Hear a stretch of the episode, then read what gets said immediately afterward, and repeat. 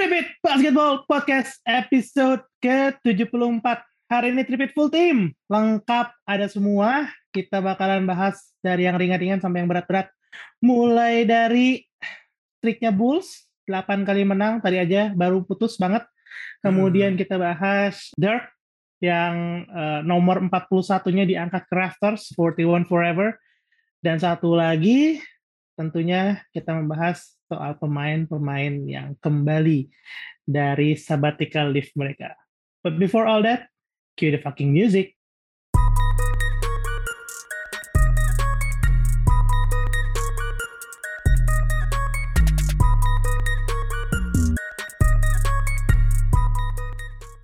Welcome back to Tripit Basketball Podcast. This is your host Amar uh, hari ini Tripit Full Team seperti tadi gue bilang sebenarnya ada semua.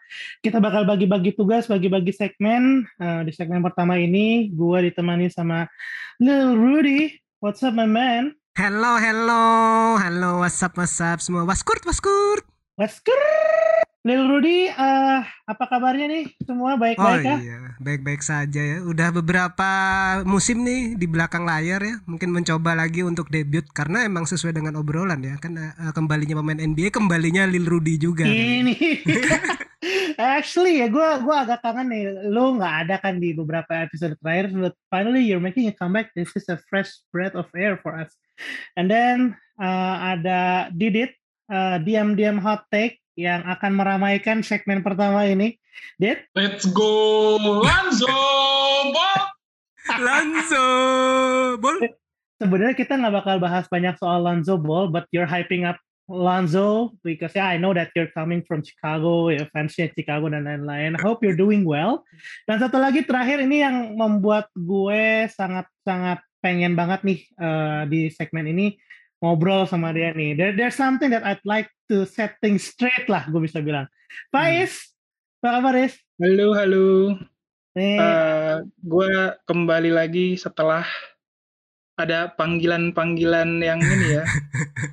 gue gue datang untuk mendetox strip sebenarnya. Setelah, setelah di episode kemarin tuh Amar dan kawan-kawan mainnya tuh agak kejauhan kayak udah menjual diri ke kegelapan kayak gitu. Makanya gue datang seakan-akan perlu pelurusan gitu ya. Oke, okay, pelurusan pencerahan, whatever you want to call it.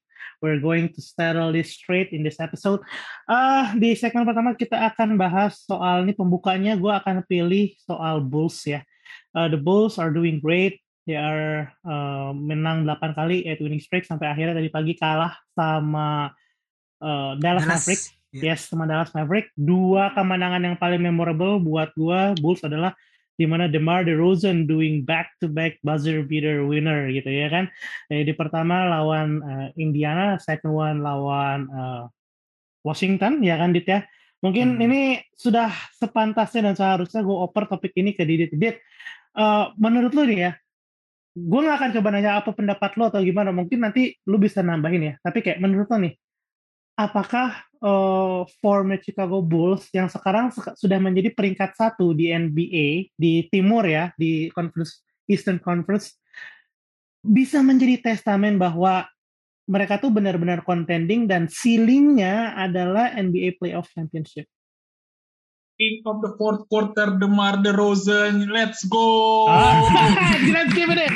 Let's hype it up. Let's hype it up. Uh, di lucunya ini di balik 9 9 game winning streak oh, 9. itu Alright. mereka 5 dari 9 pertandingan tuh uh, ada 5 5 apa 9 pertandingan 4 pertandingan itu harus ini fight under 5 points jadi kayak winning streak ini bisa dibilang lumayan susah dan kalau nggak salah defensive ratingnya Bulls turun ke 18 jadi they are really he heavily relying on their offense dan untuk mainin pertanyaan Amar,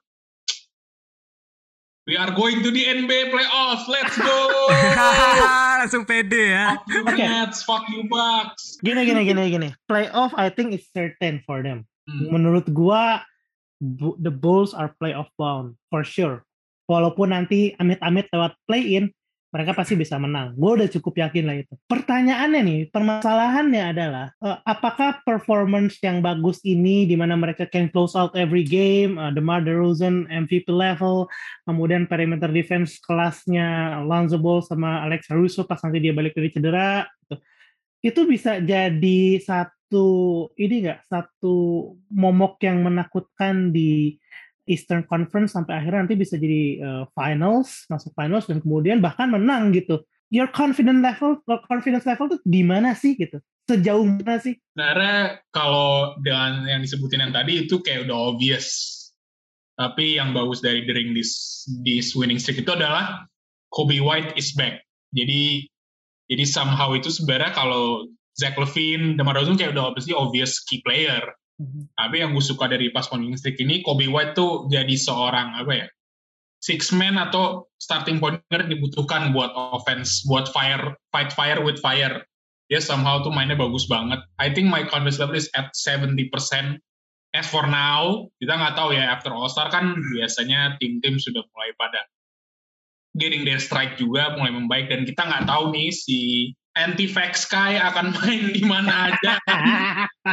kita nggak tahu but we are really at the good momentum tapi kita harus we are losing Alex Caruso jadi kayak kita terlalu really relying heavy much on offense. Jadi akhirnya ini menurut gue adalah fatigue ya kecapean aja karena satu hmm. bulan lo sembilan kali menang itu menurut gue melelahkan banget. Apalagi gamenya juga tight game semua. Apalagi yang lawan Wizards sama Pacers itu like itu agak gila sih. Karena mereka harus toe to toe with Bradley Beal terus sama Demontis Sabonis. Jadi kayak defense itu terlalu banyak kolaps sih. Kayak losing Caruso tuh what's a big bummer sih. Dan hmm. untuk itu I think the roster needs some big man yang bisa ngebantu mereka di inside. Nggak nggak bisa jadi Vucevic jadi third star every time tuh kayak enggak deh even dia bagus. Akhirnya mau kehabisan gas. Hari ini semua kehabisan gas. Kalau nggak salah syutingnya pada under 30 persen deh combine jadi jelek.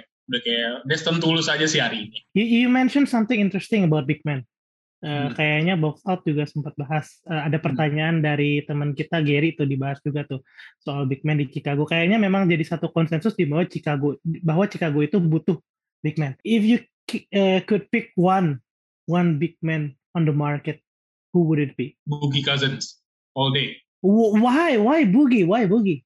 Uh, apa ya? Boogie Cousins tuh kalau gue lihat di Bucks dia tuh dapat apa? Dapat feelnya I think we need solid center yang bisa score tapi juga solid at defense aja tapi nggak sampai sapar kayak oh all defense team nggak. We we need some identity on the big man side untuk di defense karena Jordan Bell cuma jadi kayak bench warmer aja. Tapi kan kita nggak tahu ya apakah skema ini akan cocok sama nggak sama Billy Donovan karena Bulls are relying on athleticism. Jadi kayak lebih ke tim yang mengandalkan center-center yang muda. Mereka mengandalkan roster yang emang isi anak muda buat merusak pertahanan defense tapi kayak buat South Bookman gue rasa Bugi udah paling pas sih karena ring stable terus juga gue rasa dengan playmakingnya The Rosen yang lagi bagus sama Zach juga gue rasa itu akan ngebantu Bugi untuk ya resurgence saya sebagai solid center sih menurut gue sih Bugi was the best choice karena sangat disayangkan dia akhirnya lebih milih talk to Denver Nuggets But I think Bugi was the best option available. Nggak ada lagi sih setahu gue center yang sebagus itu. Jordan Bell aja kayaknya nggak nggak ngefill that role kalah rotasi kan sama Tony Bradley buat hmm. perebutan big man. Hmm, berarti emang kayak lu berharap dengan uh, fluiditas wing-wing dari Bulls ini adanya Bugi itu malah memperkokoh ya untuk Iya, menurut gua kan ini sih squadnya kalau gue boleh bilang ya ini bold aja ya. Mungkin hmm. saya lebih better dari squad yang ada si Derrick Rose, ada si Carlos Boozer, ada Ronnie Brewer, ya ini somehow mereka bilang karena winning streak itu sama tapi we are lebih muda ya kayaknya in terms of age gitu loh. In terms of offense juga lebih stabil dan minutes juga lebih lebih nggak terlalu heavy banget. Jadi kayak DeRozan the best, the best player tapi kayak nggak kayak Bulls yang kayak Tom Thibodeau yang kayak harus tabrak-tabrakan gitu. Enggak sih lebih kayak kita mengenakan finesse and athleticism so far. Oke oke oke. Itu ya appetizer dari episode ini ya di mana dari Didit sendiri bahwa Bus membutuhkan big man yang solid untuk melengkapi uh, tim sendiri biar bisa dapat cincin? Kalau ada big man, we are going to Eastern Conference tapi kalau nggak ada big man lagi, kita stuck di second round at max. Oke, okay, ah, okay, kurang okay. sauce ini. kurang sauce nih kayaknya. Oh, biar ini, biar nggak ngekers. Tapi kalau ngomong-ngomong masalah saus ini kan di off taping tadi kita akan ngomongin satu topik ini. Topik utama bisa dibilang topik utama kita karena topik ini yang membawa Faiz itu datang di uh, episode ini gitu sama Takin gitu yang membuat episode ini jadi episode dengan personil tripit terlengkap. Tadi Didit udah ngomongin masalah big man yang solid. Nah, di sini kita bakal ngomongin seorang big man yang baru-baru ini nomornya baru dipensiunkan nomor 41 dari Dallas big man yang mana kalau yang gue lihat legasinya adalah dia lah dia jadi inspirasi bagi modern day big man dan dia yang mempopulerkan stretch four ini kita bakal ngomongin Dirk Nowitzki yang mana dia 14 kali All Star dua, uh, dia champion di 2011 terus 2010 2011 NBA Final MVP 2006 2007 NBA MVP dan 100% Hall of Famer gitu. Kita mulai dari Faiz dulu nih karena kayaknya dari tadi udah gatel banget walaupun videonya nggak kelihatan kayaknya itu udah kerasa gitu pengen banget ngomongin masalah Dirk Nowitzki. Silakan Faiz waktu dan tempat. Ya thank you Agi Agi udah membuka uh, ngasih percikan-percikan kehebatannya Dirk ya. 21 musim. Iya. Uh, one team, one title, uh, 41 forever. Wih gua gua gua tahu nih arahnya ke mana nih tapi ya monggo lanjut dulu. Kemarin tuh kan pas kemarin apa namanya digantungkan di rafters kan nomornya gua. Hmm. jujur gua sampai nangis sih maksudnya sampai sampai, sampai berkaca-kaca sih nggak nggak sampai nangis semuanya gitu cuma sampai hmm. berkaca-kaca gitu. Maksudnya uh, sebenarnya Nowitzki ini tuh cerminan dari uh, American Dream gitu Hollywood Story di mana uh, anak muda entah siapa datang dari Eropa gitu. Oh. Kurus, rambut rambut modelnya juga model zaman dulu banget gitu kan. Uh.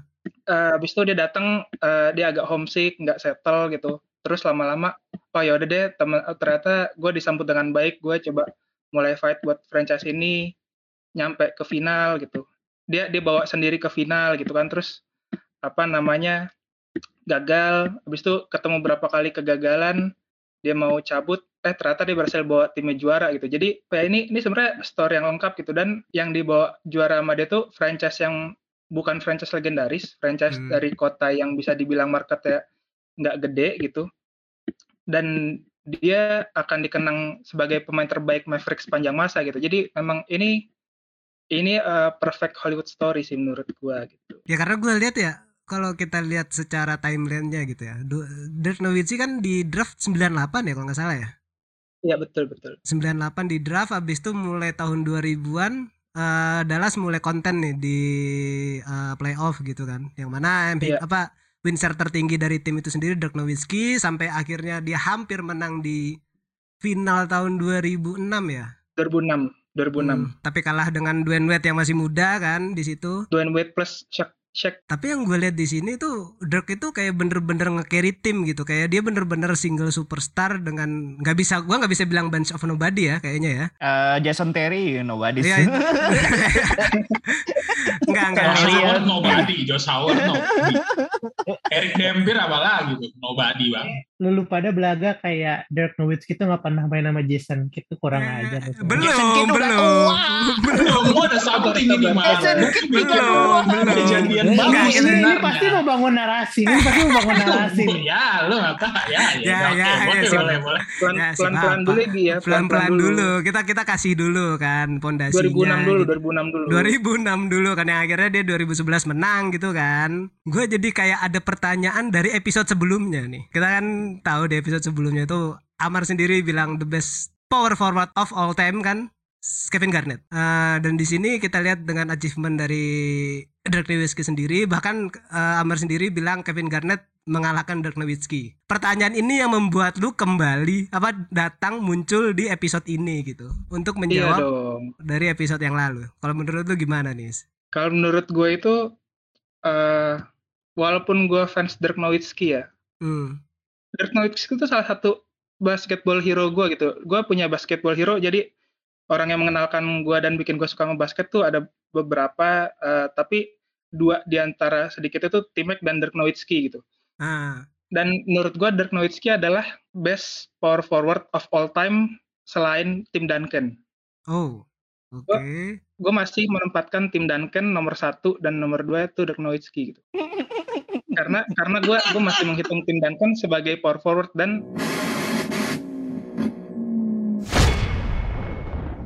Oke oke oke oke. Karena tadi tuh obrolannya panjang banget. Asli sepanjang itu sih. Akhirnya kita putusin buat bikin satu episode sendiri. Nanti eh, teman-teman bisa langsung dengerin di eh, Spotify atau di Noise ya. So, selamat datang di segmen 2 Tripit Basketball Podcast. Di kali ini kita akan bahas soal pemain-pemain yang kembali ke NBA setelah satu dan lain hal ya. Alasannya macam-macam. Maybe we can start with one of the most uh, anticipated comeback ya, because the most anticipated comeback will be talk later on. Uh, Kyrie Irving yang akhirnya memutuskan untuk kembali lagi setelah diperbolehkan main oleh Brooklyn Nets, tapi hanya boleh main di away game. Dia kembali main pertama kali itu di Indiana, uh, and he played like he never left gitu.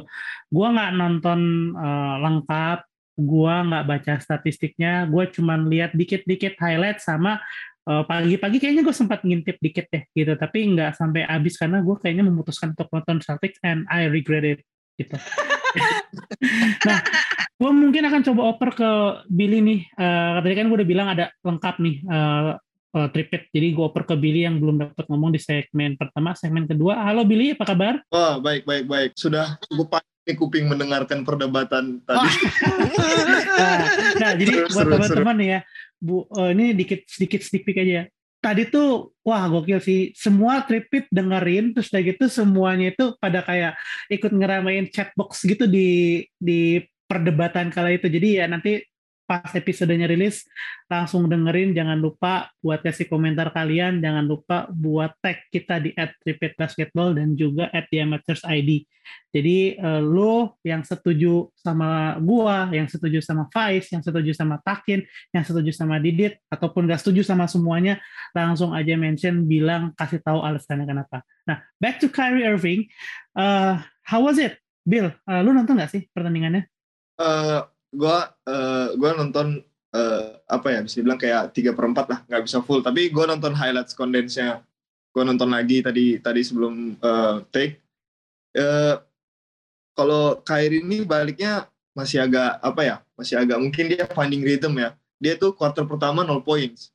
Dia masih hmm. belum bisa nyetak points. Kalau nggak salah dia dari uh, 0 for 3 di quarter pertama. Hmm. tapi dia mulai finding rhythm uh, walaupun first half ratingnya dia itu cuma minus 18 dia uh, apa namanya masih masih bisa mengakhiri pertandingan dengan plus 25 plus 25 um, just like you said he play like he never left. Dia main uh, dia main dengan cara dia yang, yang sering kita lihat. He made five uh, to five mid ranges in this game. Jadi ya memang uh, masih masih apa ya walaupun walaupun dia butuh dua quarter untuk finding his rhythm back to the game but he he played like he never left.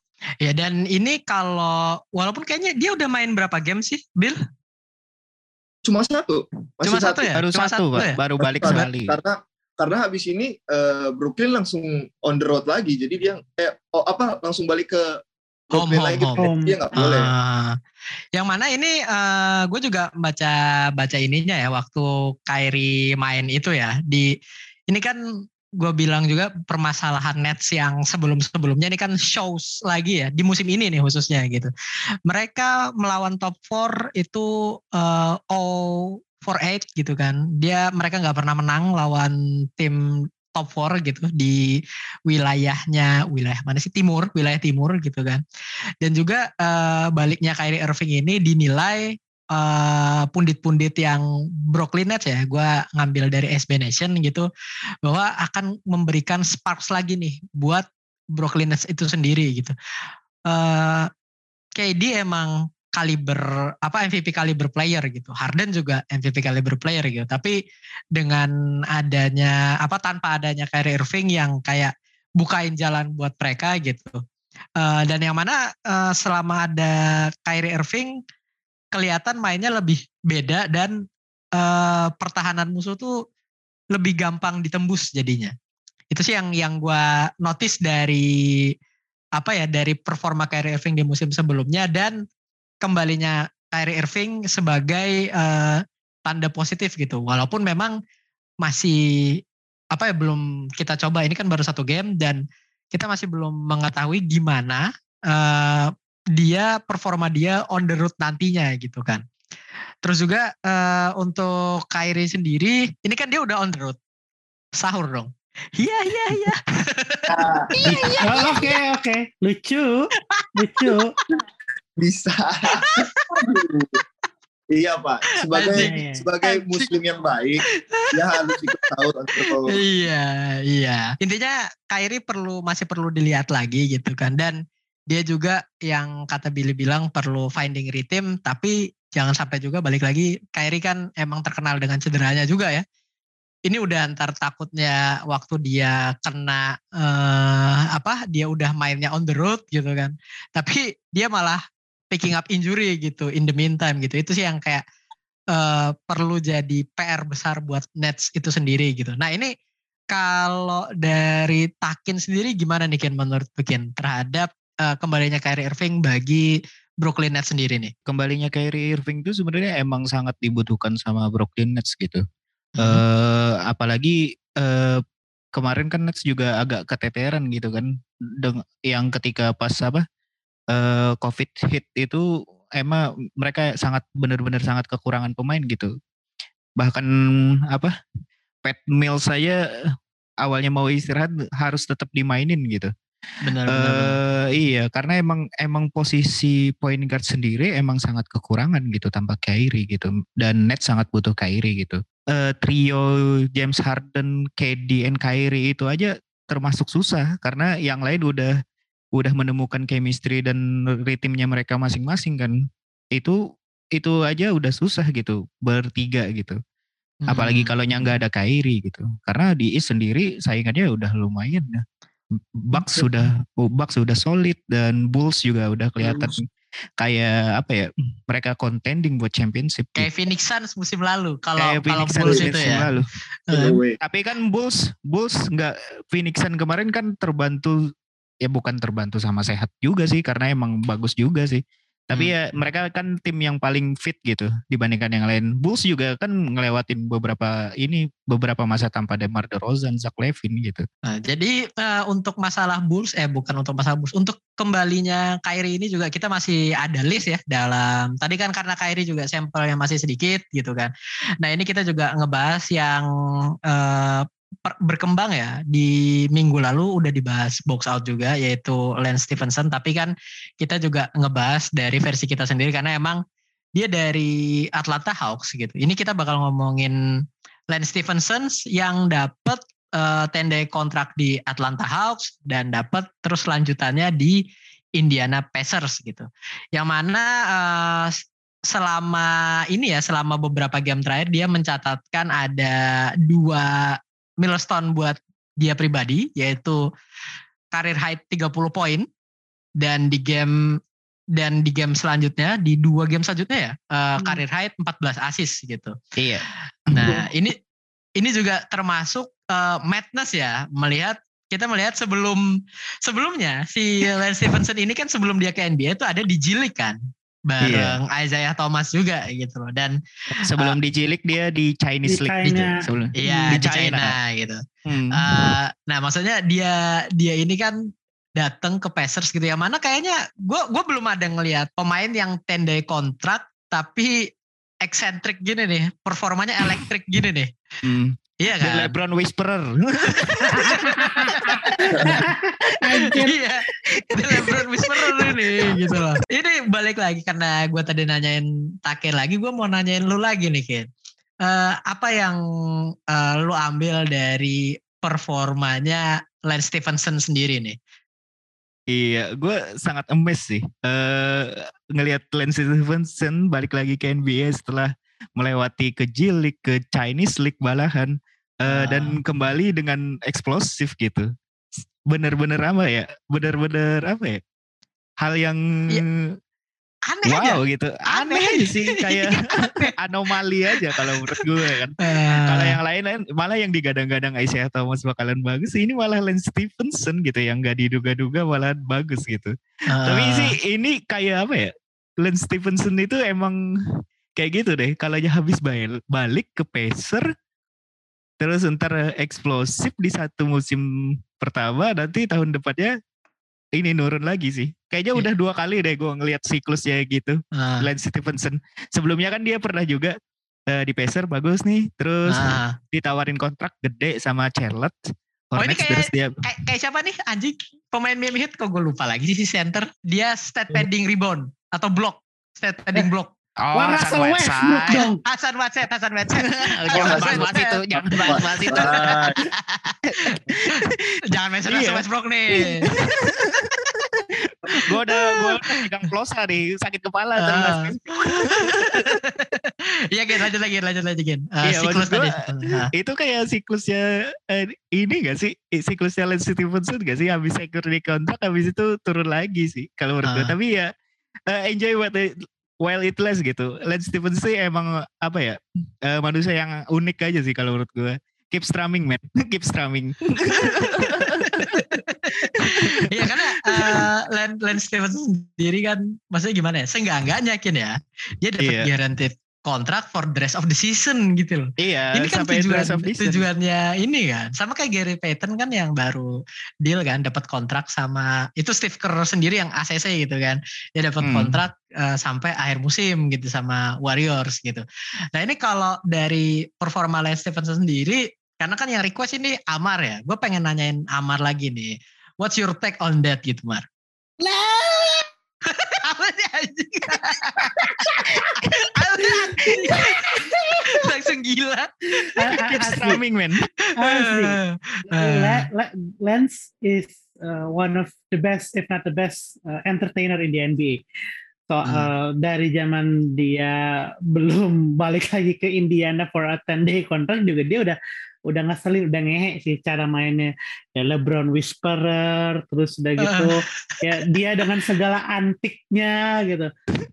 One thing for sure ya, he's he's not a bad player. He's not a bad Hmm. Yep. player. He Yep. he can he have handles to a certain degree. He can He born pass, ready ya. He can pass. He can shoot. He is born ready. He is born ready. Gitu.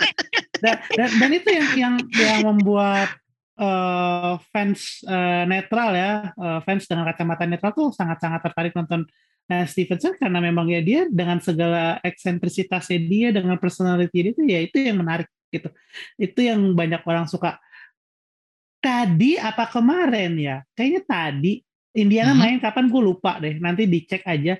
Dia tuh I think he made an assist gitu. He made, he, he made Oh iya iya iya, gue lihat gue lihat. yang kayak dia ngoper tapi kayak operannya belum eh, apa si pemainnya belum nembak boleh belum masuk dia udah selebrasi duluan. Dia selebrasinya norak banget anjir. Tapi justru itu yang bikin senang. Tapi justru itu yang bikin senang. Emang kelakuannya kayak mungkin gitu. eh, Lance Lance Stevenson akan selalu dikenang jadi satu pemain yang eh, identik dengan eh, aksi-aksi teatrikalnya di lapangan bukan karena dia jago nge-shoot, bukan karena dia jago passing, bukan karena dia floor general, bukan karena dia defensive perimeter enggak. Because he is one of the best entertainer in the NBA. Air Hmm. gitar. Emang Eh, kalau ya, ini, ini, harus ini- diamini sih. Harus diamini Lance Stevenson itu. yes, yes, setuju, setuju gua, setuju gua. But I think that's enough for Lance Stevenson and uh, siapa Kyrie Irving gitu ya, because uh, kita akan coba bahas satu pemain yang ini mungkin jadi comeback yang paling diantisipasi sama fans NBA di seluruh jagat raya gitu. Kalau tadi kan one of the most, kalau ini the most anticipated comeback Hmm. uh, di NBA kita akan bahas tentunya soal Klay Thompson bagaimana dia kembali main di NBA lagi setelah 941 hari Uh, hari ini dia bermain lawan Cleveland. Kita tapping di hari Senin malam. Uh, Senin pagi tadi walaupun kelihatan masih banyak yang bisa ditingkatkan lagi masih banyak PR tapi he looks great. He looks amazing. Dan mungkin untuk detailnya kita akan bahas lebih dalam, lebih lebih jeli lagi, lebih uh, menggali lagi di YouTube-nya Basketball. Jadi jangan pada lupa buat follow, subscribe, nyalain notifikasinya, dan nanti bisa lu tonton semua di Tripit Basketball.